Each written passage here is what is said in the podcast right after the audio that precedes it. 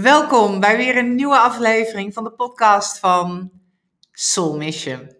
Vandaag een, eh, een bijzondere podcast, zeer zeker voor mij, want Ralf interviewt mij over mijn gedachtegoed. En van waaruit ik eh, mag coachen, spiegelen, uitdagen.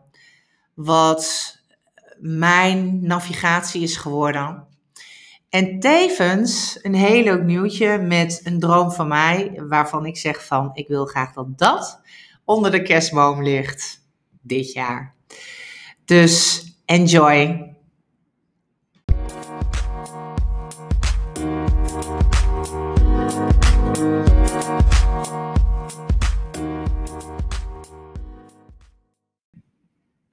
Welkom bij Soul Mission Podcast.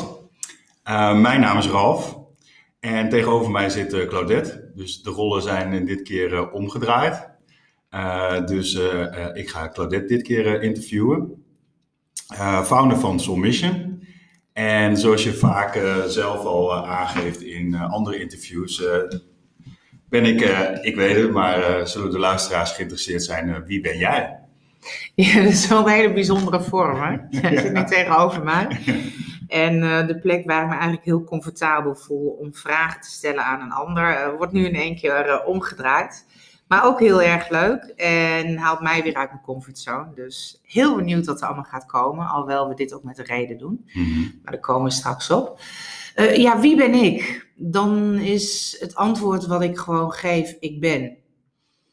En dat houdt gewoon voor mij heel veel in. Ehm, ik ben een verbinder. Ik ben uh, nieuwsgierig. Ik ben um, verbaasd. Kwetsbaar. Krachtig. Dus in ik ben zit heel veel.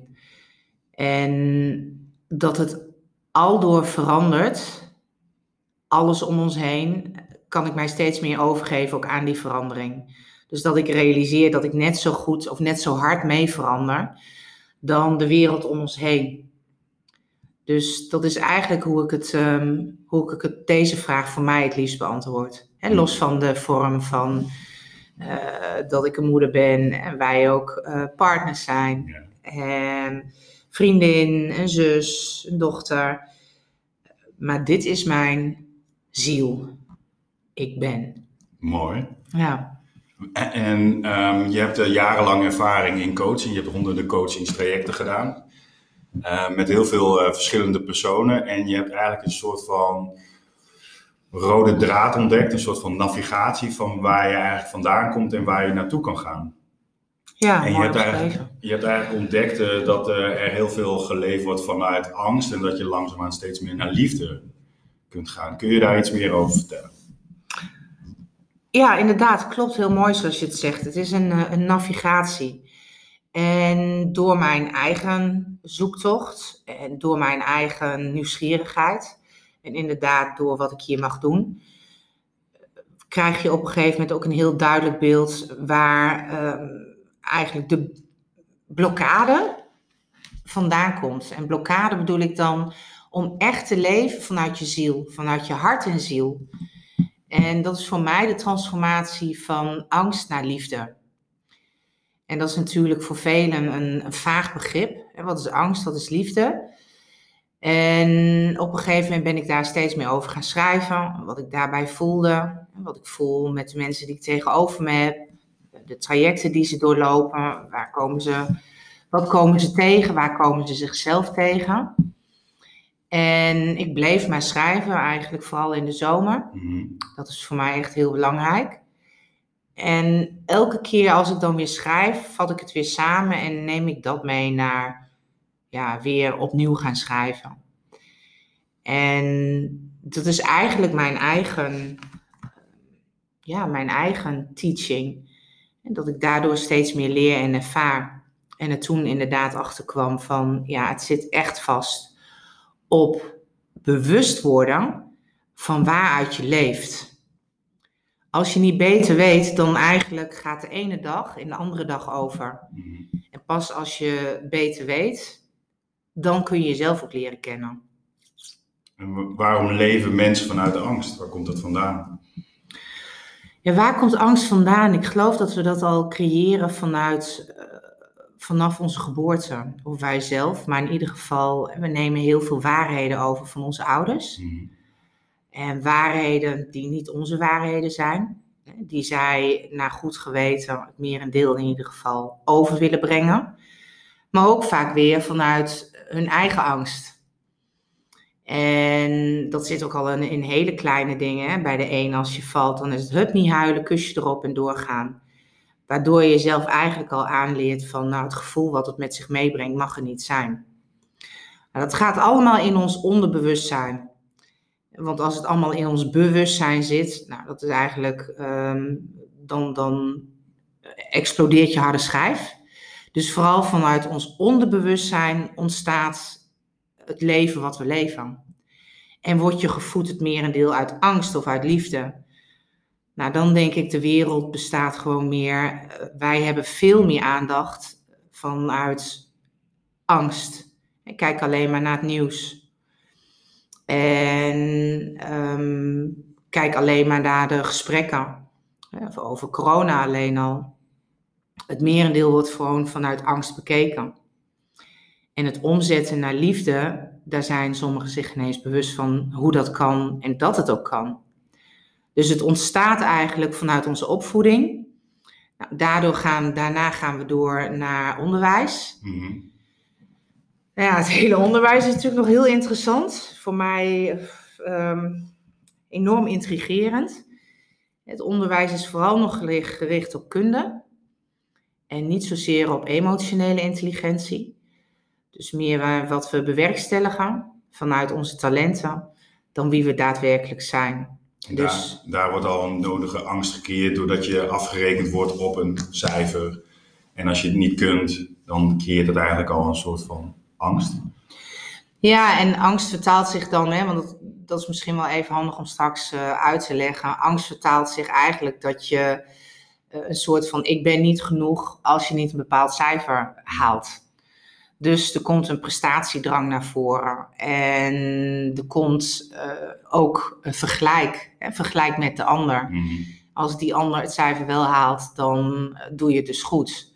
Dus je krijgt eigenlijk een, hele, een heel beperkt zicht op um, wie iemand is. Want je koppelt wie iemand is vooral aan wat iemand kan. Mhm. Wat een totaal ander iets is. Dus het onderwijs is een hele grote um, heeft een enorm indruk of impact op ons leven, zonder dat we daar eigenlijk van bewust zijn.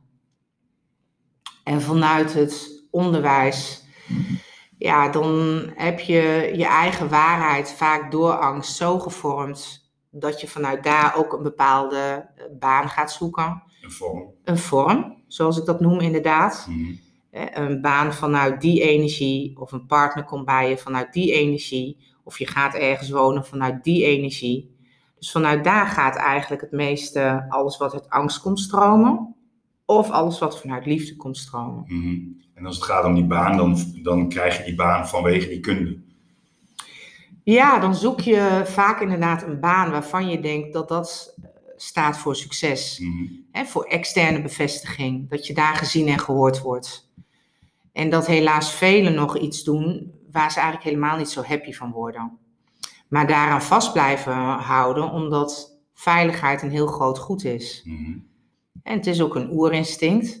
En een dak boven ons hoofd uh, en kunnen eten, dat is ook een veiligheid uh, nou, die we allemaal nodig hebben. Mhm. Maar daarnaast creëren we eigenlijk een veiligheid doordat we het bijna niet meer durven te leven. angst neemt een steeds grotere vorm aan. En daar zijn we ons vaak dan nog steeds niet bewust van. En dat herken je weer in eigenlijk hoe je je voelt. Het is heel simplistisch. Als je het merendeel uit angst leeft, dan voelt het ook als een soort um, verdoving op je zijn. je ervaart niet heel veel joy. Eigenlijk weer een dag. Dus het brengt meer negatieve emoties met zich mee dan dat het je energie geeft. Ja. En wat wordt dan daarin beloond? Je hebt het vaker over ego. Zit ego dan ook gekoppeld aan prestatiedrang en het kunnen laten zien van die kunde? Ja, heel erg. Ik denk ego ehm, heb ik zelf benoemd als de voice of fear. Mhm. En er zijn heel veel, heel veel wijze mensen die een mening hebben over ego. Ehm, het is ook niet zozeer dat een waarheid bestaat. Hè. Het is meer waar resoneer je op? Wat, wat voel je dat dat klopt? En voor mij ontstaat je ego, ehm, is, is, is je voice of fear. Dus die je meer in het veilige wil houden. En wat vraagt vaak om erkenning, wat vraagt vaak om gezien en gehoord te worden. Dus hoe, hoe herken je je ego? Dat is al een hele mooie vraag, denk ik. Mhm. En ehm, waardoor je kunt gaan herkennen, is bijvoorbeeld wat ik net zeg: het vraagt om externe bevestiging. En niet zozeer intern, maar vooral wat een ander ervan vindt. En je ego wil graag gelijk krijgen, ook vaak naar een ander toe. En wat een hele interessante is, is dat het de werkelijkheid negeert en eigenlijk een eigen verhaal creëert eh, waarbij hij of zij zich neerzet eh, of als slachtoffer of als held. Mhm. En wat ik daarmee bedoel is dat als je iets voelt wat niet helemaal klopt en je voelt dat vanuit je hart, vanuit je ziel, dan wil je ego eigenlijk dat je dat niet voelt. Dus je gaat een verhaal bedenken waar je dat zo min mogelijk voelt. En een verhaal waar jij of het slachtoffer in bent, dat het jou allemaal overkomen is, of jij kon er niks aan doen en het ligt aan een ander. Extern zoeken. Ja, Mhm. of het geeft je een verhaal van dat jij de held bent, dat je dit hebt gedaan, zo hebt gereageerd. Dus je, je wordt de held van het verhaal. En dan word je, ga je bos kloppen. Uiteindelijk wel in de Mhm. laatste versie. En in de eerste versie ben je eigenlijk, ehm, geef je jezelf een excuus waarom je bepaalde dingen niet hebt gedaan. En je weet diep van binnen heel goed dat het nooit aan een ander ligt. Maar je maakt wel dat het aan een ander ligt. Dat doen slachtoffers dan. Mhm. Dus je neemt geen verantwoording voor dat wat, wat je eigenlijk aankijkt.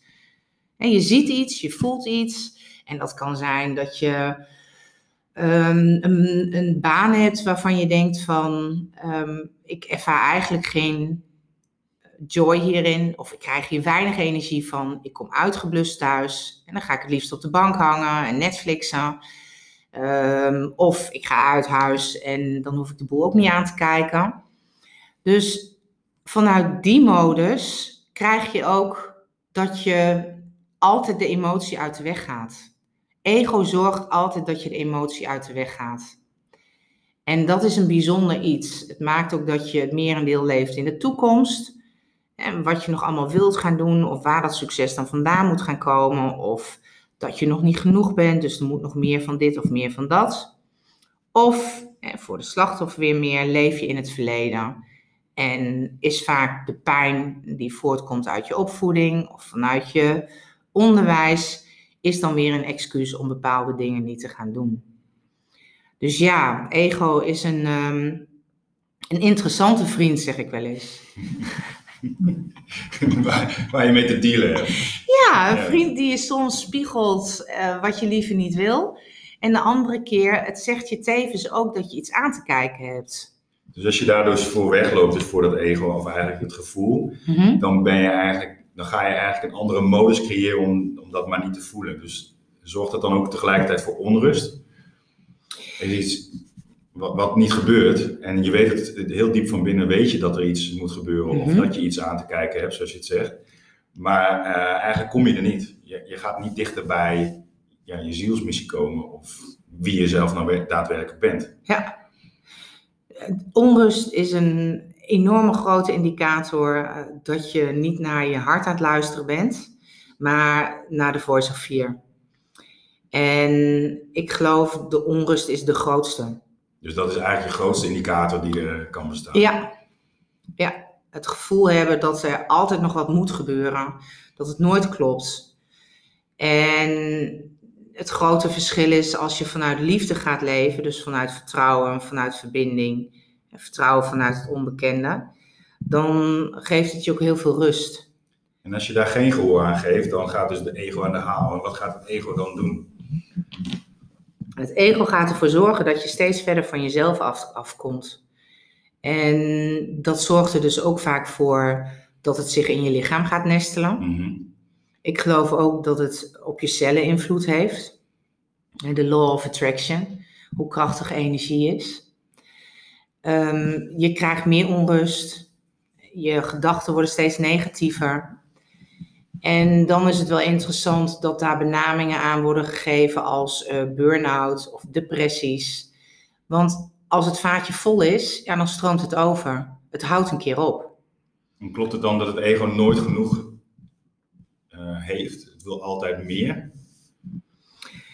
Ja, het wil altijd meer. Um, als je niet bewust gaat worden van angst of vanuit liefde of wanneer je ego spreekt, dan is het een soort van normaal geworden hoe je denkt.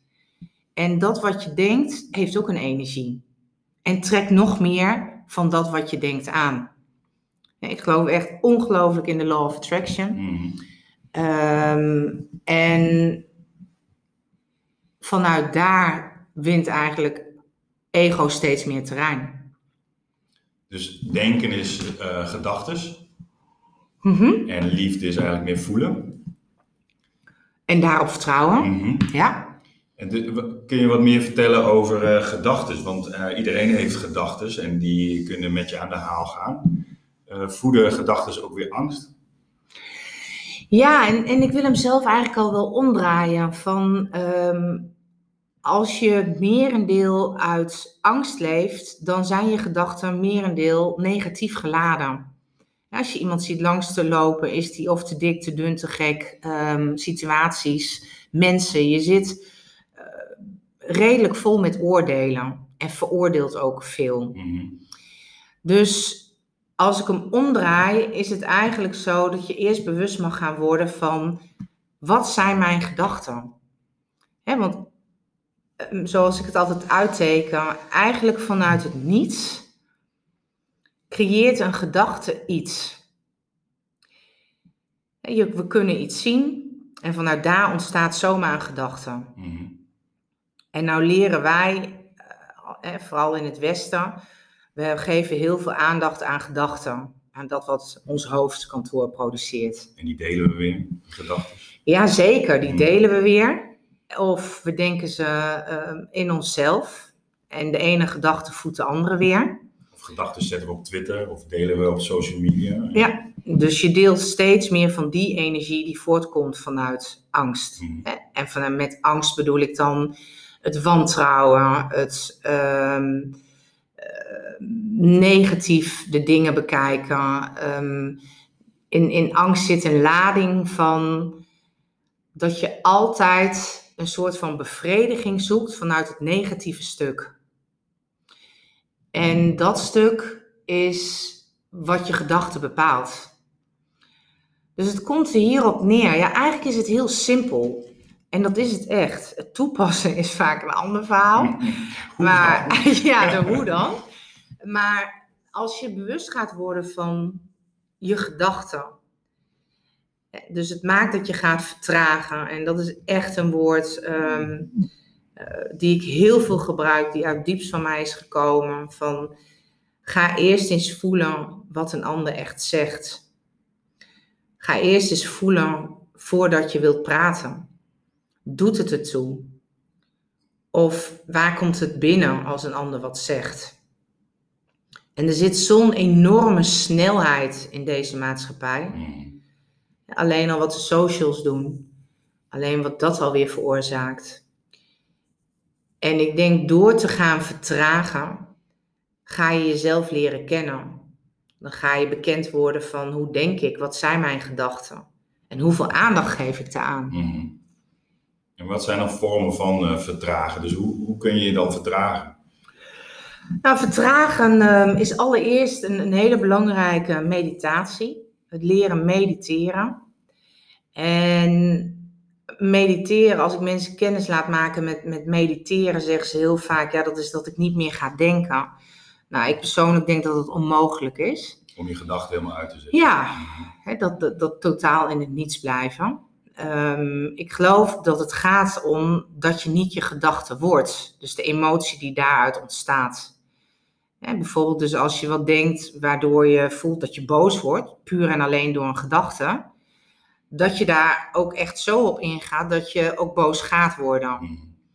En mediteren leert ons om onze gedachten te aanschouwen. En het niet te worden.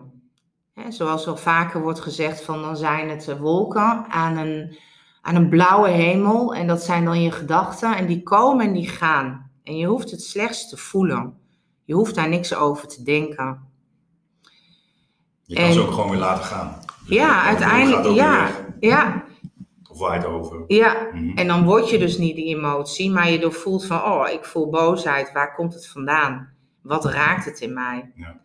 En het mag ook weer gaan. En als je daar aandacht aan geeft, dan wordt het één grote donkere wolk. En dan gaat het uiteindelijk alleen maar eh, donderen en alleen maar donkerder worden. Ja, Ja. helemaal dat. Dan krijg je bewolking. Mhm.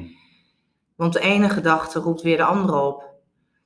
Hè, dat is als je iemand voorbij ziet lopen en dat je al denkt van, oh, als die is te dik of te dun. En tevens heeft hij een gele paraplu en dan ga je naar de gele paraplu. Wie draagt er nou een gele paraplu? En uiteindelijk is dat weer wat veroorzaakt dat je denkt van regen, regen, ik haat regen, ik haat regen. dus weet je, de ene dat op deze gedachte... regenachtige ja. maar het, het, de ene gedachte lokt de andere uit. En als je leert te vertragen, te verstillen, en daar is denk ik eh, meditatie eh, een van de grootste leermeesters in, is dat je niet je gedachte wordt. Dat je niet de emotie wordt die uit die gedachte voortkomt. Dus je doorvoelt het en het gaat weg. En hoe kun je dat nu toepassen? Ehm, wat ik dan meestal zeg is, zet je wekker, weet je, op je telefoon, drie keer per dag. Mhm. En het zorgt dat je jezelf toe zet dat je vertraagt. Je hoort de wekker gaan, beide benen op de grond, diep in en uitademen. En gewoon dat je waarneemt wat er in jou gebeurt. Wat wordt geraakt. Ja, of, of als je op je werk zit, gewoon even van, hé, hey, ben ik onrustig? Zit ik meer in mijn hoofd dan in mijn lijf? Gewoon eerst waarnemen.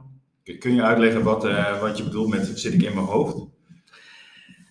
Ja, ben je heel erg verstandelijk alles aan het beredeneren. En Dus ben je de ene gedachte naar de andere gedachte aan het creëren.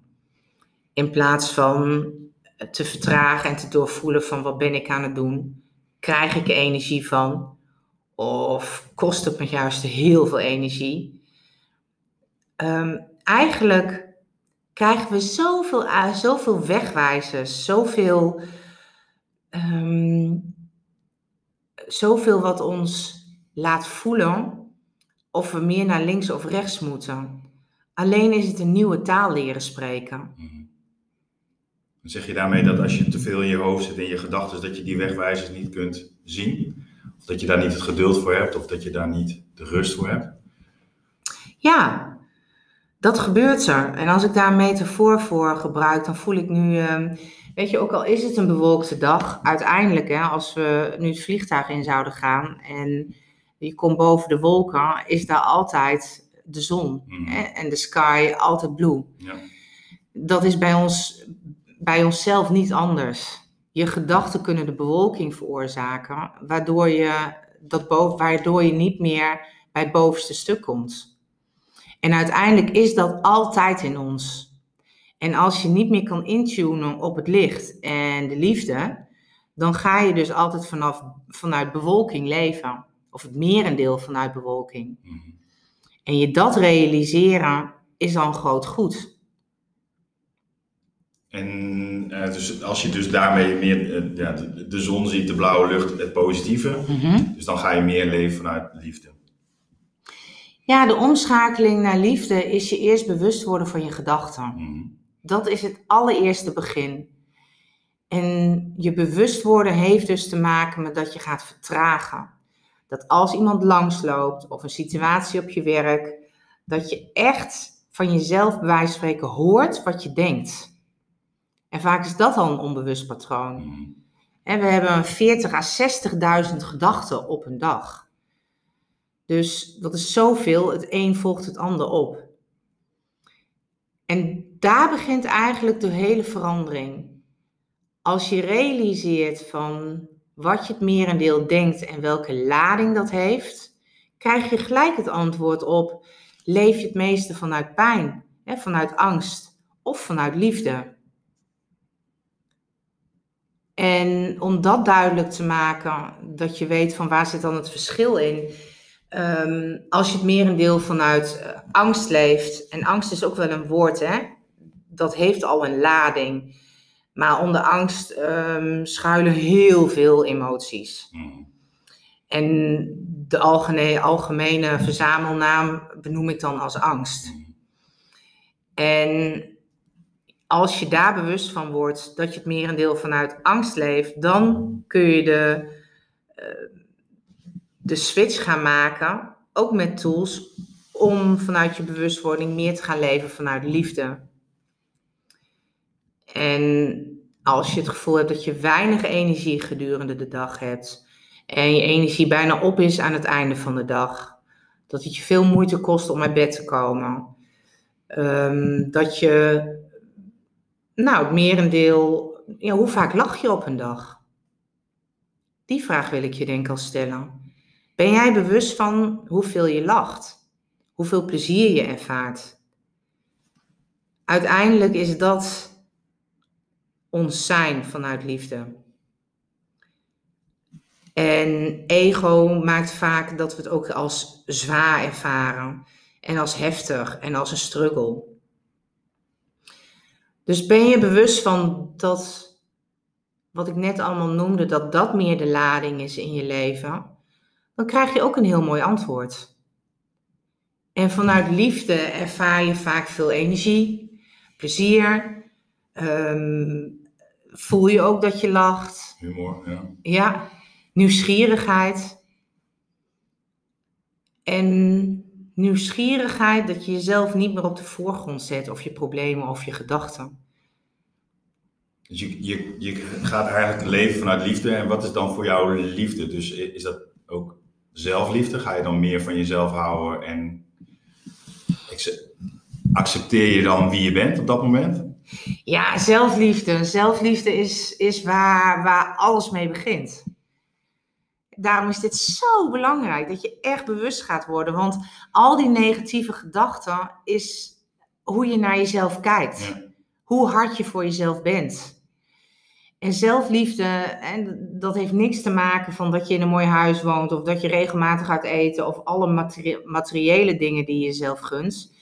Nee, zelfliefde is, wat zeg je tegen jezelf als je jezelf in de spiegel ziet? Hmm.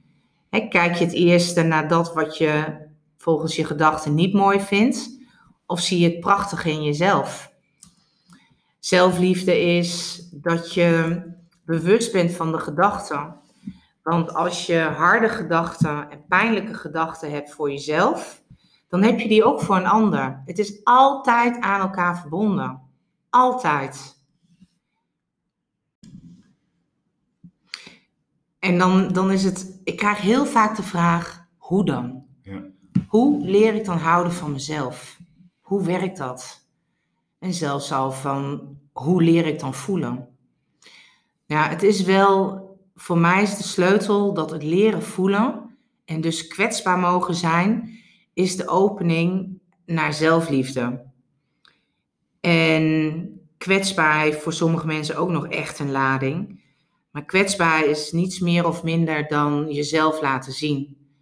dus geen masker opdoen als je geraakt wordt, als je verdriet voelt. Of als je blijdschap voelt. Het niet weet, onzeker bent. Heel veel emoties stoppen we weg, vooral voor de ander. Mhm. En die hebben we vervangen door een zelfverzekerd masker. Of nou ja, zoals ik het noem, ehm, vanuit verlamming. En dan kan ego ook een soort van vlammen. En dan is het dat de lichamelijke en geestelijke onrust, die dan voortkomt uit het willen, maar niet doen, dat je daardoor steeds kleiner maakt. Dus dat gebeurt dan ook met zelfliefde. Het krijgt een steeds kleinere plek in je, in je, in je leven. Mhm. En een ego een steeds grotere. Dus bijvoorbeeld wat je net uh, zei met de kwetsbaarheid. Dus als je dat gewoon laat zien, dat, dat mag haast niet van het ego. Uh, want dat moet altijd sterk overeind staan, dat mag niet eh, verdrietig zijn of boos zijn. Dus die moeten altijd, altijd weer een- de overdrive hebben. Ja, Om, eh, dat die naar buiten komt. ja. Dus kwetsbaarheid en ego, hoe staan die met elkaar in verhouding? Nou, ik geloof dat als je. Ik ervaar heel sterk dat eh, ego zich splitst in twee typen mensen. Dat het zich splitst. De ene, ego kan verlamming veroorzaken of overdrive. En verlamming, wat, wat ik net al zei, is dat je jezelf steeds kleiner maakt. En hoe meer je je ziel verlamt, hoe minder je jezelf gunt. En je spiegelt jezelf aan je acties en je keert steeds meer in jezelf. Dus wat krijg je dan? Veiligheid krijgt een steeds grotere vorm. Dus vasthouden aan dat wat je al hebt. Minder verkennen, minder nieuwsgierig. Controle neemt toe. Dus in alles creëer je schaarste. Mhm. En dus ook in je liefde voor jezelf zit een enorme schaarste. En vanuit overdrive is eigenlijk het tegenovergestelde. Dat zijn de go-getters. Van dit wil ik nog bereiken, dat wil ik nog doen. En die blijven maar gaan, het een naar het andere doel. Als het ene bereikt hebben, hebben ze alweer een volgend doel. Ja, een honger naar Het moet steeds steeds, meer. Ja. Dus die vullen de onrust in zichzelf in door continu te blijven acteren op. En die leven dan vanuit een ander soort schaarste. Het is nooit genoeg. Mhm. Dus dat kun je vaak zien in eh, dromen qua materie. Van dit wil ik dan, dit huis, deze auto, dit. Dus terwijl de, eh, de onrust alleen maar groter wordt. Die schakelen steeds meer emoties uit, gaan steeds meer vanuit hun hoofd. En vaak heb ik eh, ego vanuit overdrive mensen tegenover me, die ook heel moeilijk vinden om überhaupt nog wat te voelen. Hun empathisch vermogen is eigenlijk zo klein dat eh, ze alleen nog maar zijn ingetuned in hun doelen, op hun doelen. Mhm. Want ze kunnen bijna niet meer terug. Want die doelen moeten altijd om hun eigen te, eh, te, eh, eh, te voeden. Ja, Is het steeds meer nodig om nog steeds meer te doen? En kijk, want ze, kunnen nog steeds, ze zijn in staat om nog weer een volgend doel te behalen. ja. Dus als je teruggaat naar ja, overvloed, wat is dan overvloed? Nee, overvloed komt dus voort uit dat je. overvloed is dus niet de materie, maar overvloed is dus de liefde. Ja, want een steeds groter huis is ook een soort van overvloed. Ja, materiële overvloed. Mhm. En als ik het heb over overvloed, praat ik echt uit zielenovervloed. Mhm. Dus dat je jezelf ehm, echt enorm veel liefde geeft. Eigenlijk een enorme liefdesbom bent. Voor jezelf, maar dus ook voor alles en iedereen om je heen. Mhm. Hè, de dingen weer ziet. En ego vanuit overdrive zijn ook vaak mensen die heel moeilijk in het huidige moment kunnen zijn. Die leven het merendeel in de toekomst. Het nieuwe doel. Ja. En wat dan heel interessant is, hè, als je vorm weghaalt, dus als je dan bijvoorbeeld het bedrijf weghaalt, Mhm. of waar ze veel tijd in steken, dan maakt het ook dat ze, eh, wat mensen dan noemen, in het zwarte gat vallen. Want wie ben je dan nog? Mhm. Hè, je identificeert jezelf met een vorm. Met je bedrijf of met je relatie of, of met hoe groot je auto is. Maar als je niet verbindt met wie je daadwerkelijk bent, dan kan het wegvallen van een vorm, kan je zo aan het wiebelen maken, dat eigenlijk alles om je heen verandert. Mhm. Dus die mensen blijven maar continu in de overdrive om dat niet te voelen. Ja, dus ze blijven altijd maar doorgaan en uiteindelijk eh, komt het steeds verder van hen af te staan. Ja. Maar ze willen dat, datgene niet meer loslaten, want ik ben de ondernemer als het ware. Kun je dan ervaren en ehm, ja, dan ben je die vorm geworden. Ja, En dat zorgt dus weer voor onrust. Ja. En alles wat je daaronder voelt, ga je niet naartoe. En nog geen eens vaak bewust, maar gewoon al onbewust. Gewoon het ene doel na het andere realiseren. En als het dat niet is, dan zijn de... Nou, je tijd is gevuld. En heel veel gevuld. Geen, geen tijd meer om te gaan voelen. Dan wordt het heel moeilijk om te voelen. Mhm. Ja, want er is echt stilte voor nodig. Dan wordt vertragen steeds belangrijker. Ja, Mhm. En op jouw vraag terug te komen, wat is de verhouding tussen kwetsbaarheid en uh, ego, angst? De verhouding is dan eigenlijk Ehm, of het nu gaat om verlamming die voortkomt uit ego, of de overdrijf die voortkomt uit ego. Kwetsbaarheid is om dat te laten zien, waardoor je eigenlijk of in de overdrijf gaat of het niet doet. Het durven kwetsbaar te zijn is voor jezelf durven te zeggen van um, waar schaam je je voor? En schaamte is echt een hele grote beladen emotie. En dat wegstoppen zorgt ook weer door jezelf te verkleinen. Wat het zijn hele eerlijke vragen stellen, maar jezelf ook zo laten zien naar de buitenwereld. Hmm. En het durven verstillen. Het doorvoelen van je emotie. Dus schaamte omarmen? Ja, omarmen, maar ik denk de eerste stap is jezelf een grote vraag te stellen: waar schaam ik mij voor? Mm. Want dat uit die emotie uh, krijgt, wint ego heel veel terrein. Want ego schaamt zich niet. Precies. En hoe manifesteer je dan naar de rust? Dus oftewel naar het zelfliefde? Je zegt al hoe dan, hè? dus te, te vertragen, maar mhm. ja, wat is er dan nog meer voor nodig om uiteindelijk in zelfliefde te gaan doen, naast uh, je schaamte te omarmen en te ervaren dus dat je gedachten hebt en die om te zetten? Kom je nog meer naar het manifesteren van zelfliefde?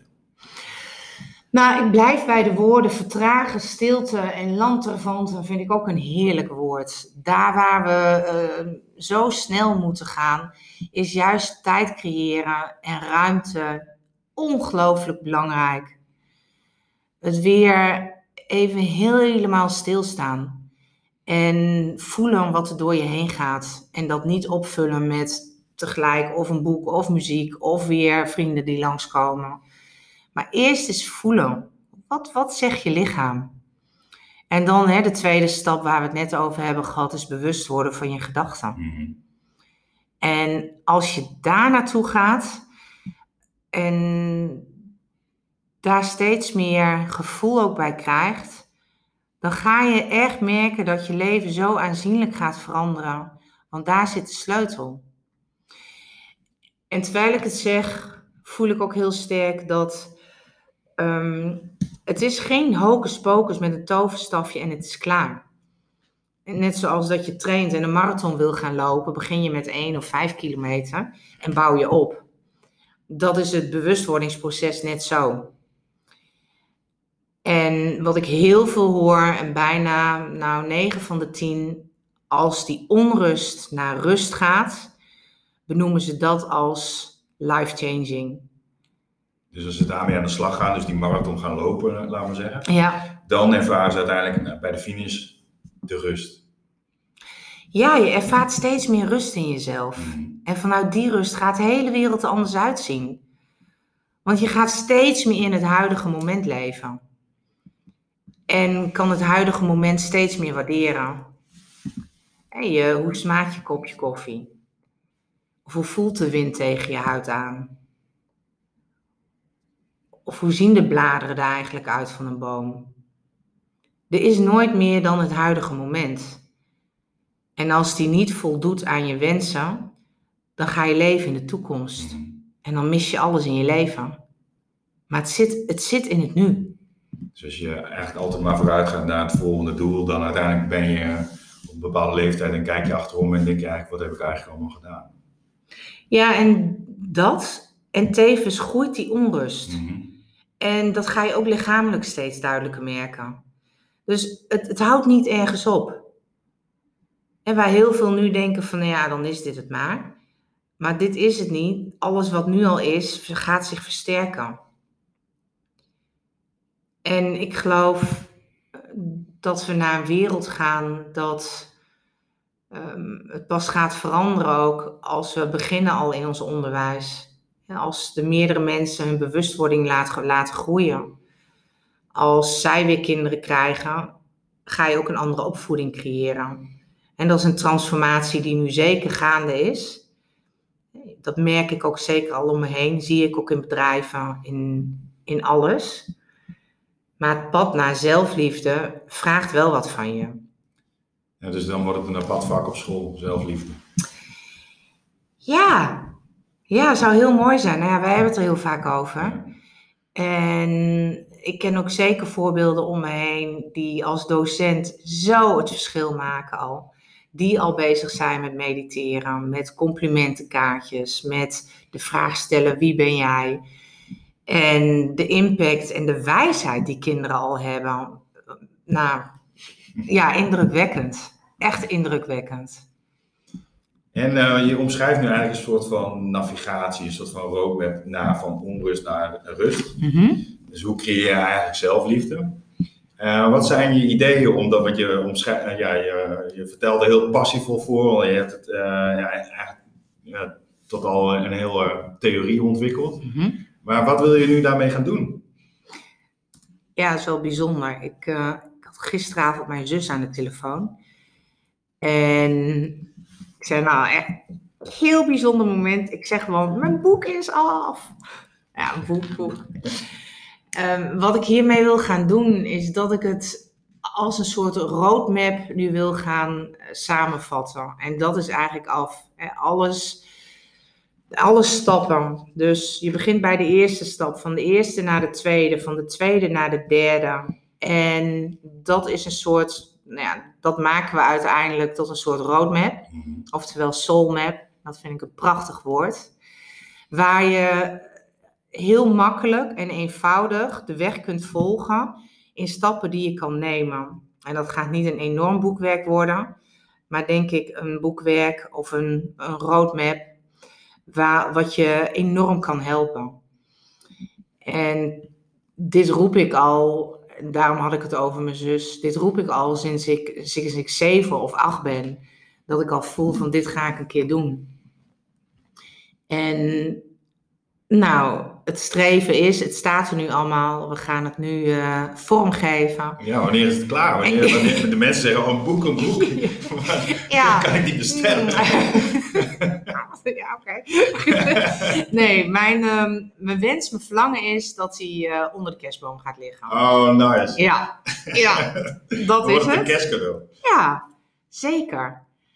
En dat het ook een stuk is. Je vroeg net wie ben je? Ik geloof zeker als je uh, je calling hoort of je purpose of hoe jij het ook wil noemen, het gevoel hebt van dat je dat in deze wereld doet waarom je hier bent, is, is het grootste cadeau. Mm. Want dan ervaar je elke dag liefde en elke dag energie. En ook wel andere emoties, maar leer je ook hoe je daarmee omgaat. Mm. En die, dat gevoel, gewoon meer liefde, leven vanuit liefde, dat is wat ik de wereld in wil blazen. En deze roadmap is een soort legacy in hoe ik dat zie en ervaar.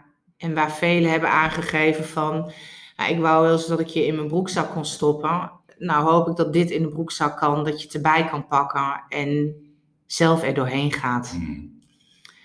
Hoe vet zou dat zijn? Dus eigenlijk vanaf je zeven zeggen, ik wil eigenlijk een boek gaan publiceren. En uiteindelijk ben je daar nu na een hele lange reis, ben je uiteindelijk tot, tot, tot, tot inhoud gekomen. Ja. En ben je uiteindelijk je manifested soul.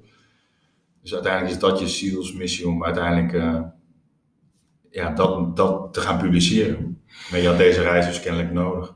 Ja, heel.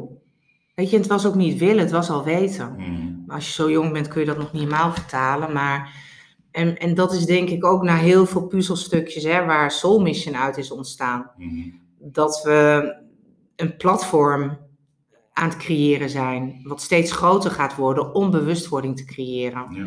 En dat daar geen naam aan hangt, jouw naam niet, mijn naam niet, maar aan heel veel mensen die dat op hun eigen manier doen. Mm. En om samen steeds meer bewustwording en steeds meer liefde de wereld in te blazen.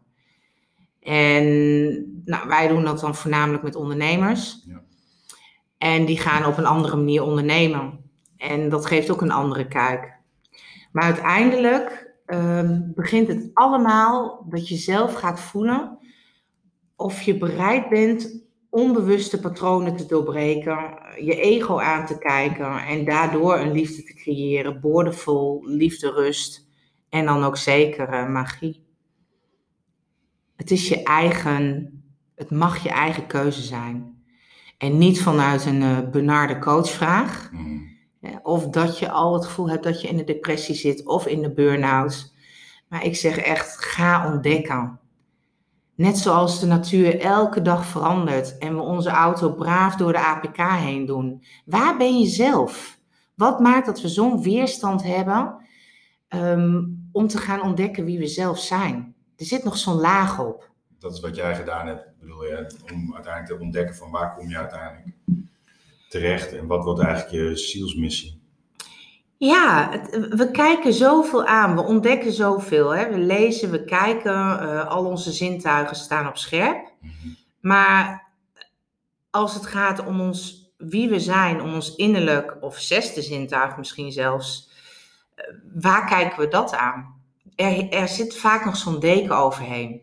En dan vaak ook nog wat je hoort van er is geen tijd genoeg of ik weet niet precies wat dat inhoudt. Maar nieuwsgierig zijn naar jezelf gaat je echt een ander leven geven. En, en de vormen veranderen. Je bedrijf gaat veranderen. Hoe je je voelt verandert. Hoe je met je kinderen omgaat verandert. Er gaan andere mensen vaak in je leven komen. Maar het begint bij jou. Hmm.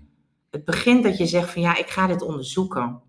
En waar alle weerstand vaak wegvalt, hè, om, om uh, een ander huis of een andere baan, of, en ook daar zit al wel veiligheid op, is dit nog een gebied waar mensen zichzelf zo snel vergeten. en nu een, deel van mijn uh, gedachtegoed naar beneden valt. Het is wel leuk, ja, jij ziet dat natuurlijk niet, maar uh, we zitten nu in de visualisatieruimte van uh, Soul Mission. En overal, uh, nou ja, zijn papieren met samenvattingen weer. En um, ja. Eigenlijk work in progress. Ja, ja, ja. Dus waar ik mee bezig was, is um, wees lief voor jezelf. En denk niet dat je het allemaal alleen hoeft te doen.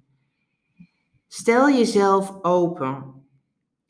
En als jij een goed adres hebt of je kent iemand uh, die jou goede vragen kan stellen, dan stel je kwetsbaar op. En open iets uit het harnas en begin aan je eigen zoektocht, aan je reis naar wie ben jij? En ga dan ervaren wat er met je leven gebeurt. Ervaar en manifesteer. Ja. En begin met dat stukje zelfliefde. Dat je jezelf op nummer 1 gaat zetten. Niet vanuit egoïsme, heeft ook niks te maken met narcisme. Het heeft te maken dat je daadwerkelijk gaat voelen dat vanuit daar alles verandert. Eigenlijk de hele wereld, de transformatie. Vanuit angst naar liefde. En zoals gezegd, work in progress zijn hele mooie uh, woorden die uiteindelijk uh, ja, verdienen om op een boek uh, of ergens op papier terecht zodat iedereen het ook nog weer kan teruglezen. Mm -hmm. Dus daar gaan we nu hard mee aan het werk om uiteindelijk het onder de kerstboom te krijgen. Ja. En volgens mij hebben we er allebei heel erg veel zin in. Zeker. En uiteindelijk om het te zien. Ja, het is heel bijzonder. Ja. Mm ik wou hiermee het interview afsluiten. ik vond het een erg bijzonder interview. Uh, ook omdat we elkaar al heel goed kennen. Ja. En ja, de liefde laten wij al stromen, de, de zelfliefde. En we willen dat nu de liefde de wereld in laten gaan. Ja. En um, ja, op naar uh, de kerstmis en op naar uh, het, het, boek. Ja, en op naar heel veel mooie dagen dat we hier binnen Soul Mission met hele bijzondere mensen mooie dingen mogen doen, bewustwordingen creëren, een spiegel mogen voorhouden, uitdagen. En dat geldt zeker ook voor onszelf. En daarin um, vond ik het heel leuk om vragen te beantwoorden. Weet je, dat ik ook weer ingetuned word op wat ik voel. En Um, ik zou graag willen afsluiten met deze vraag aan jou te stellen. Wat is je antwoord op de vraag: wie ben jij? En als je het wilt delen, graag. Ik ben heel erg benieuwd. Eh, laat je liefde stromen. En als deze podcast je geïnspireerd heeft, dan nou, join us. Weet je, verspreid het zodat we met z'n allen eh, een stukje meer bewustwording en liefde kunnen brengen. Ik wens je een hele fijne dag en dankjewel voor het luisteren. Bye. Bye.